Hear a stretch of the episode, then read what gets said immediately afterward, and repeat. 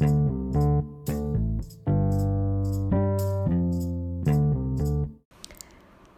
semuanya, yuk kita ngobrolin karir lagi bareng gue Erin Dwi Rejeki. Nah, gue kepikiran nih dan mungkin ada beberapa juga pertanyaan yang masuk sih sebenarnya. Banyak yang nanyain, kak kenapa ya gue kok gagal mulu nih untuk um, tes, gue gagal mulu nih proses rekrutmennya, gagal terus nih CV nggak pernah dipanggil panggil masukin CV nggak pernah dipanggil panggil itu ternyata masih banyak yang um, punya masalah seperti itu.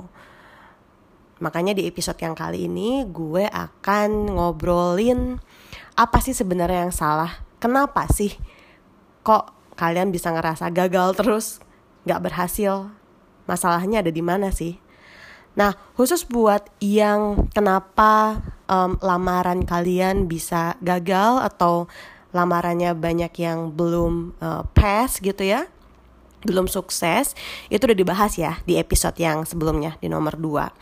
Um, dan tips-tipsnya juga udah uh, gue share juga gimana caranya untuk mengatasi kesalahan-kesalahan dalam melamar pekerjaan. Nah kalau yang sekarang gue akan lebih banyak share atau mungkin kita ngobrolin bareng tentang sebenarnya apa yang salah ya dengan selection proses udah ngikutin semua tahapan-tahapannya dan kenapa masih gagal juga. Nah kita akan bahas tentang itu. Um, di sini kalau bisa gue ceritain tentang selection process. Let's say kalian sudah um, berhasil ya CV-nya sudah diterima oleh si perusahaan kalian diundang untuk first step um, selection prosesnya. Setiap perusahaan punya selection proses yang berbeda-beda. Ada yang um, online test dulu atau ada yang psychological test dulu, tes tertulis dipanggil ke perusahaannya. Atau ada yang lakukan initial phone interview.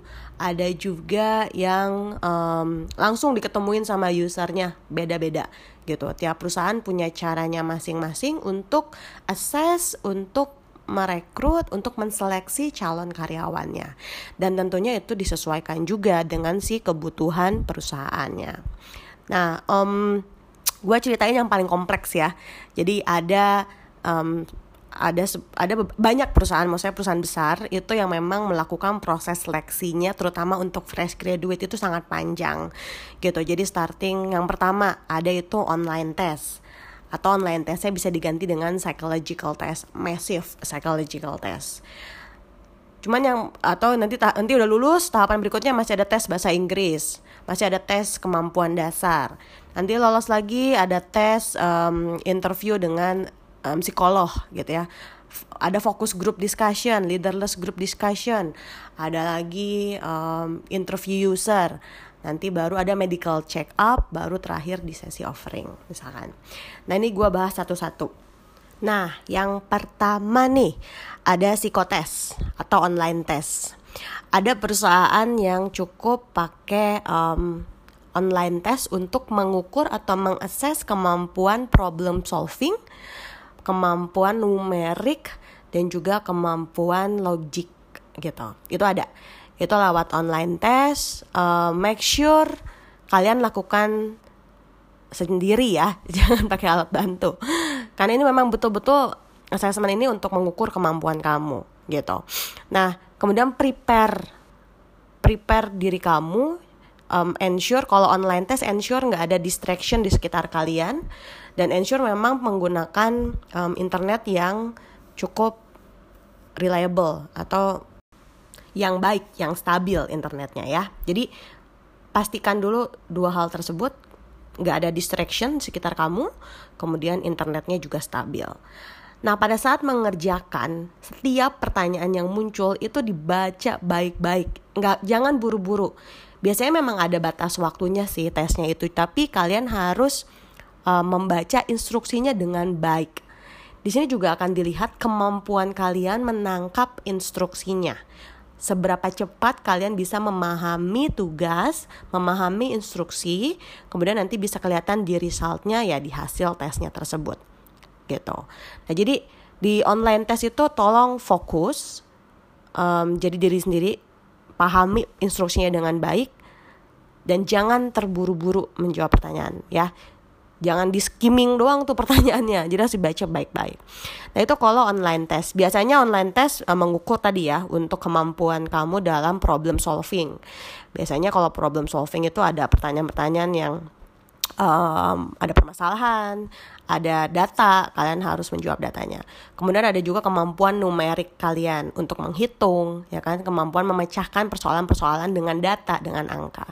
Kemudian juga untuk uh, mengukur logik kemampuan logika kamu. Ada logika bahasa ataupun juga logika um, gambar ya. Logika gambar jadi lebih ke gimana kalian bisa memecahkan suatu kasus um, lewat pecahan-pecahan gambar atau lewat um, apa namanya situasi-situasi yang dianalogikan di dalam gambar maupun di dalam bahasa gitu. Nah itu untuk tiga-tiganya untuk mengukur kemampuan dasar dari kamu memecahkan masalah, mengukur kemampuan berhitung dan juga uh, kemampuan kamu terhadap uh, analisa data dan juga kemampuan logika kamu.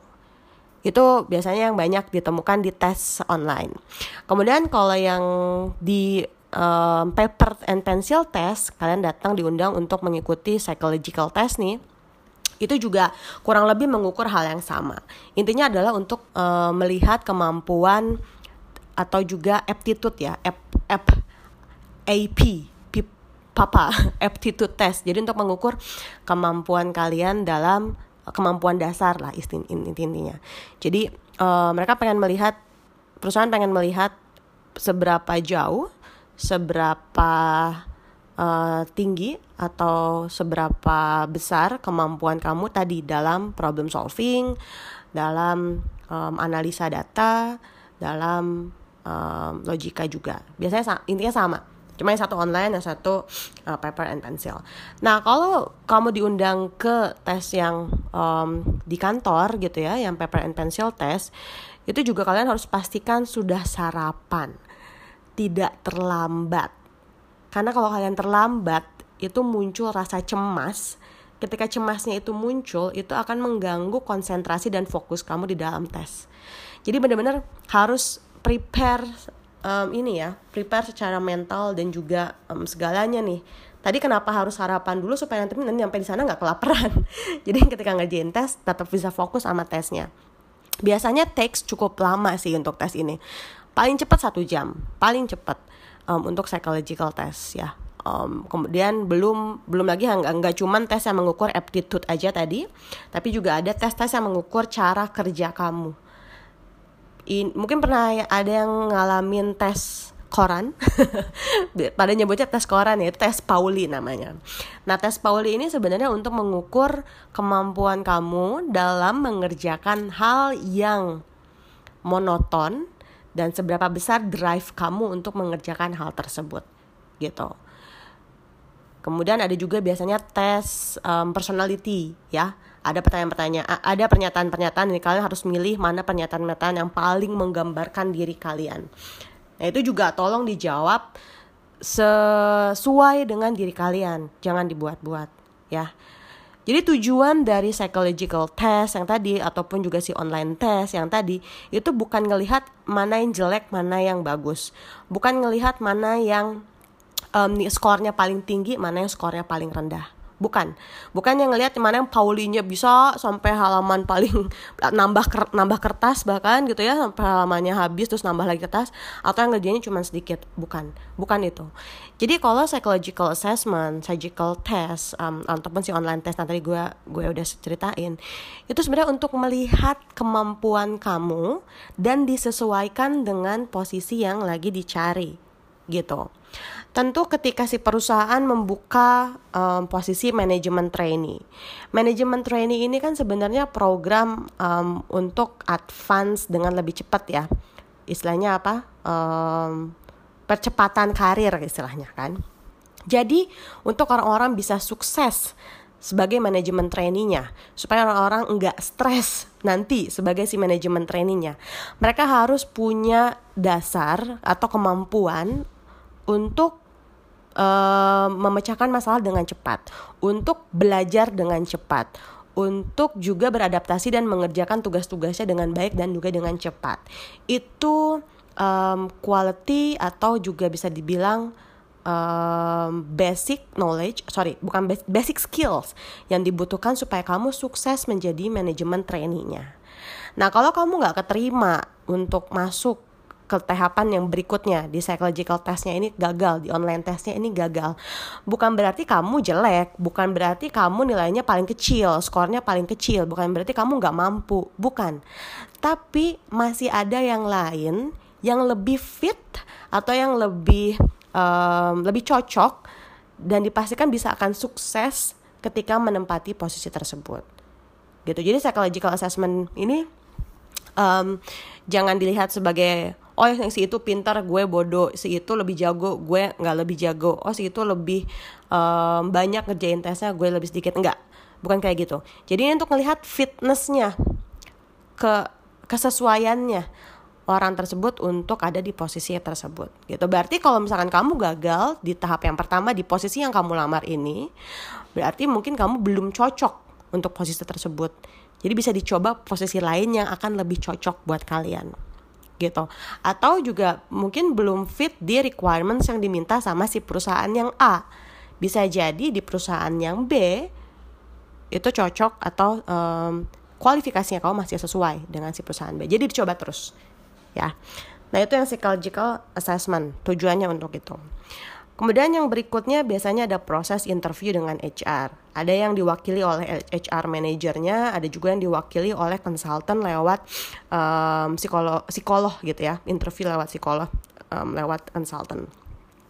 Di proses interview dengan HR ini adalah untuk menilai dan melihat, um, mengakses seberapa siap kalian untuk bekerja, seberapa besar drive kalian untuk bekerja seberapa um, seberapa tinggi kemauan kalian untuk bekerja gitu. Jadi di tahapan yang interview ini itu um, banyak pasti banyak pertanyaan-pertanyaan yang relate kepada ke pengalaman-pengalaman kamu sebelumnya pengalaman kamu waktu di kampus, pengalaman kamu involved di organisasi, di project-project, itu mereka akan banyak menggali hal-hal tersebut karena itu yang dijadikan acuan sebagai prediksi ke perilaku perilaku kerja kamu ke depannya gitu.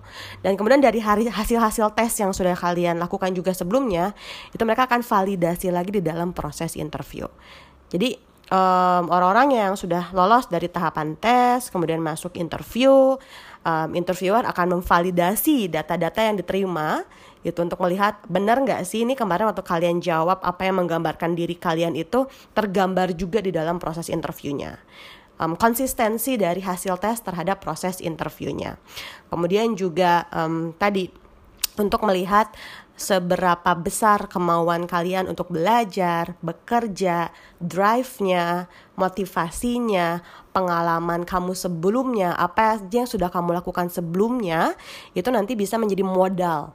Modal yang kita lihat bahwa oh, dia pernah A, B, C, D, nanti diprediksikan di pekerjaannya juga dia akan bisa berperilaku yang sama A, B, C, D untuk menunjang karirnya dia. Untuk kamu bisa berhasil di pekerjaan kamu gitu. Kalau kalian tidak lulus di tahapan interview, bukan berarti kalian kalah saing atau bukan berarti kalian lebih jelek dari yang lain, bukan. Bisa jadi memang posisi yang diharapkan tidak cocok dengan apa yang kamu gambarkan tentang diri kamu. Contoh buat pekerjaan sales. Kita tahu kalau sales itu kita butuh orang yang sangat komunikatif sang uh, komunikatif dalam artian bisa menyampaikan ide-idenya dengan baik dan bisa convincing people untuk akhirnya membeli produk yang dijual. Kan namanya sales ya kan? Kemudian harus punya grit. Grit itu apa ya? Kemauan untuk ketika gagal itu bangkit lagi. Jadi kalau misalkan ditolak um, sama satu klien terus nggak jadi mutung nggak jadi mundur tapi justru menjadi um, apa ya? Uh, um, harus mau untuk cari lagi cari lagi cari lagi another client cari lagi another clients itu jadi ada spesifik um, apa ya namanya um, trait gitu ya. Uh, trait itu apa namanya? Um, personality uh, yang ada di dalam diri masing-masing individu yang bisa menunjang dia untuk bisa sukses di pekerjaannya gitu. Kalau kalian belum terpilih artinya sebenarnya justru si HR ini tuh menyelamatkan kalian karena mereka tahu kalau kalian dipaksakan untuk mengerjakan pekerjaan itu. Dan kalian malah uh, nantinya tidak mampu mengerjakan pekerjaan tersebut. Daripada kalian stres atau daripada track record karirnya jelek lebih baik tidak dipaksakan untuk lanjut ke tahap yang berikutnya. Gitu Artinya di sini bukan kalian ini belum rezekinya atau belum um, kalian merasa lebih jelek dari kandidat yang lain, jangan. Tapi justru lihat ini sebagai oh, artinya saya mungkin harus coba apply ke posisi yang lain yang mana mungkin nanti HR manager, psikolognya bisa ngelihat saya lebih cocok, lebih fit untuk pekerjaan tersebut. Gitu. Ya kan tadi untuk sales harus kayak gitu ternyata pas lagi ngobrol sama kamu kamu ini orang yang sangat um, sangat senang untuk mengolah data, sangat senang untuk bekerja di balik layar, di belakang komputer, memberikan strategi, memberikan analisa. Ya, nggak cocok untuk menjadi sales gitu. Daripada kamu stres, ya kan? Karena kalau sales harus ketemu orang terus, harus jualan barang terus, gitu. Itu nanti malah uh, membebani kamu. Berarti lebih baik kamu cari posisi lain yang lebih sesuai dengan apa yang menggambarkan diri kamu gitu. Nah itu interview HR ya. Kemudian setelah itu ada interview dengan user biasanya atau SMI-nya subject ma uh, subject matter expertnya gitu. Jadi kalau di interview dengan SMI atau dengan user itu untuk mengukur uh, melihat um, chemistry dan juga untuk mengukur kemampuan kamu untuk mengerjakan ini lebih ke spesifik technical skill ya secara technical skillnya kamu seberapa mampu kamu untuk nanti bisa catch up dengan pekerjaan di timnya gitu. Jadi um, ini tadi tuh yang lebih ke arah personality. Personality udah selesai di, di awal. Ketika ketemu user mereka lebih ngeliat kamu bakal fit nggak ya dengan tim saya? Tim saya ini orang-orangnya isinya um, orang-orang dengan tipe-tipe seperti ini. Kalau kamu masuk kamu bisa fit nggak ya dengan tim kita? Kamu bisa um, ngobrol nyambung nggak dengan tim di sini? Bisa berkolaborasi dengan baik nggak dengan tim saya gitu. Terus kemudian juga jika dirasa iya dia akan assess lagi akan lihat kemampuan teknikalnya kamu gitu. Seberapa jauh kamu mengerti tentang pekerjaan yang akan dikerjakan. Sih kalau misalkan mereka melihat kamu masih sangat basic atau nggak punya nggak punya uh, pengalaman sama sekali. Ini tinggal depends dari si usernya. Dia mau memberi kamu arahan bimbingan secara uh, terus menerus nggak? Berapa lama dia um, sudah uh, apa istilahnya ya bikin target lah untuk bisa uh, ngebimbing kamu memberikan arahan pekerjaan kayak gitu. Jadi si user ini yang akan menilai um, kandidat berdasarkan kebutuhannya dia.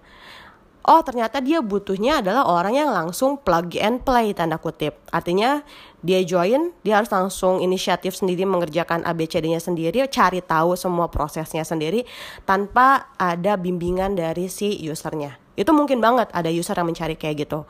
Makanya banyak yang mencari yang sudah punya pengalaman kerja di bidang yang sama at least 1-2 tahun gitu. Atau ada juga yang sebenarnya mereka cari um, tim baru, um, tambahan tim buat mereka yang masih bisa mereka bentuk, yang masih bisa mereka guide, itu juga ada. Jadi tergantung dari kebutuhan si user dan kebutuhan si perusahaannya juga. Kalau kamu gagal di tahapan interview user ini, bukan berarti oh berarti gue jelek, gue dianggap um, apa namanya tidak tidak tidak apa ya tidak tidak sebagus yang diharapkan sama si usernya. Bukan. Bisa jadi user misalnya kamu udah punya pengalaman banyak gitu udah tiga tahun lima tahun pengalaman tapi masih nggak diterima gitu. Bisa jadi karena ternyata si usernya butuh orang yang perlu dia bentuk. Dia butuh orang yang yuk sama-sama kita, kita gua bimbing dari awal. Bisa jadi atau kalau anak kamu fresh graduate belum ketemu bukan karena kamu nggak punya pengalaman sama sekali akhirnya nggak diterima ini cuma masalah timing aja pada saat itu si yang si user butuhkan adalah orang yang plug and play karena ada project yang lagi dikejar dengan timeline yang sangat singkat jadi dia tidak ada waktu untuk bisa ngebimbing kamu dulu pada project di depan mata. Maka saat itu yang dibutuhkan adalah yang sudah punya pengalaman. So this is all about timing aja gitu. Jadi ketika user interview mereka sudah punya um, sudah membawa apa yang mereka butuhkan untuk memperkuat timnya dan itu yang mereka cari ketika bertemu dengan si uh, kandidatnya gitu ya oke okay. nah biasanya ada juga tuh proses yang tambahan kalau di perusahaan-perusahaan gede itu ada setelah interview user kalau kamu masih lolos kamu um, biasanya ketemu atau diminta untuk medical check up. Ya medical check up sih standar ya maksudnya itu itu udah jelas lah untuk melihat kondisi kesehatannya kamu gitu. Nah tapi kalau misalkan ternyata kamu gagal bahkan di proses medical check up, ini kan justru harus bertanya ya. Um, artinya karena biasanya jarang sih yang gagal di medical check up proses kalau bukan karena yang um, very urgent atau very um, ada yang berbahaya atau ada sakit yang memang even dari company pun ini takutnya nggak bisa support kamu. Atau mereka tak ya mereka khawatir kalau kamu dipaksakan untuk bekerja dan memiliki penyakit uh, sakit-sakit tertentu itu kamu nggak akan optimal di dalam bekerja gitu. Alasannya seperti itu. Nah itu kamu harus aware dan kamu harus cari tahu sendiri lagi kemudian. Mungkin ada hasil medical check up itu yang kamu nggak aware tentang kondisi kesehatan kamu. Nah, itu sebaiknya um, kamu langsung cek juga secara mandiri gitu. Biasanya sih gagal ada eh sorry, biasanya sih jarang ada orang yang gagal di tahapan uh, medical check up ini gitu kok. Biasanya kalau emang, memang nggak parah-parah banget atau memang nggak karena si perusahaan tahu bahwa uh, kandidat ini tidak akan bekerja dengan optimal karena dia memiliki potensi sakit tertentu. Gitu. Jadi kamu harus aware dan kamu harus cek juga diri kamu. Ya. Nah, itu kurang lebih ada sekian tahapan proses seleksi. Nanti tinggal disesuaikan aja sama proses seleksi mana yang kalian pernah alamin. Um, benar atau salahnya kita diskusi lagi aja pasti kita obrolin lagi. Tapi ini based on apa yang pernah gue alami sendiri dan pernah gue lakukan juga gitu. Jadi takeaways-nya adalah bahwa um, proses seleksi itu bukan berarti kalian gagal, kalian tidak lebih baik dari kandidat yang lain, kalian lebih bodoh atau lebih jelek dari kandidat yang lain, bukan seperti itu. Intinya adalah bahwa kalian belum sesuai, belum fit, belum match dengan kebutuhan si perusahaan. Kata kuncinya ada di belum nih. Artinya nanti akan bisa menjadi sesuai, menjadi fit, dan menjadi match dengan kebutuhan si perusahaan. Karena rekrutmen ini it's all about timing. Timingnya pas apa enggak nih dengan kondisi lo saat ini dan juga dengan kondisi si perusahaannya, kebutuhan si perusahaannya. Gitu. At some at some point perusahaan mungkin butuhnya hanya orang-orang yang senior yang punya um, kemampuan yang uh, um, yang punya pengalaman yang sudah cukup banyak gitu kan. Tapi at another point mereka bisa juga cari yang memang mereka lagi open untuk nurturing talent-talent baru. Cari fresh graduates fresh graduates. So it's all about timing. Kalau pada satu waktu kalian belum berhasil untuk masuk ke perusahaan tersebut dicoba lagi di another time ketika kalian sudah yakin bahwa kalian sudah punya pengalaman tambahan ya skill tambahan yang bisa kalian jual dan bisa kalian share juga untuk berkontribusi di perusahaan tersebut. Nah, gitu. Jadi jangan jangan patah semangat, jangan jadi um, rendah hati kalau belum keterima di perusahaan-perusahaan tersebut ya belum jodohnya, belum fit ya. Artinya apa? Tapi masih ada tempat-tempat lain yang mungkin lebih fit lebih sesuai dan memang jodoh pekerjaannya kamu. Jadi kan setiap pengalaman itu untuk selalu menambah value, menambah skill dan juga menambah pengalaman kamu supaya eventually hopefully juga suatu hari nanti kalian bisa bekerja berkarir di perusahaan yang kalian idam-idamkan. Ya. Oke. Okay. Itu dulu. Kalau masih ada pertanyaan, masih ada yang nggak setuju dengan apa yang udah gue ceritain, boleh reach out to me langsung ke LinkedIn-nya gue, Erin Dwi Rejeki tanya langsung lewat LinkedIn, feel free ya. I will surely balas semua message-message-nya kamu. Oke, okay. thank you and bye-bye.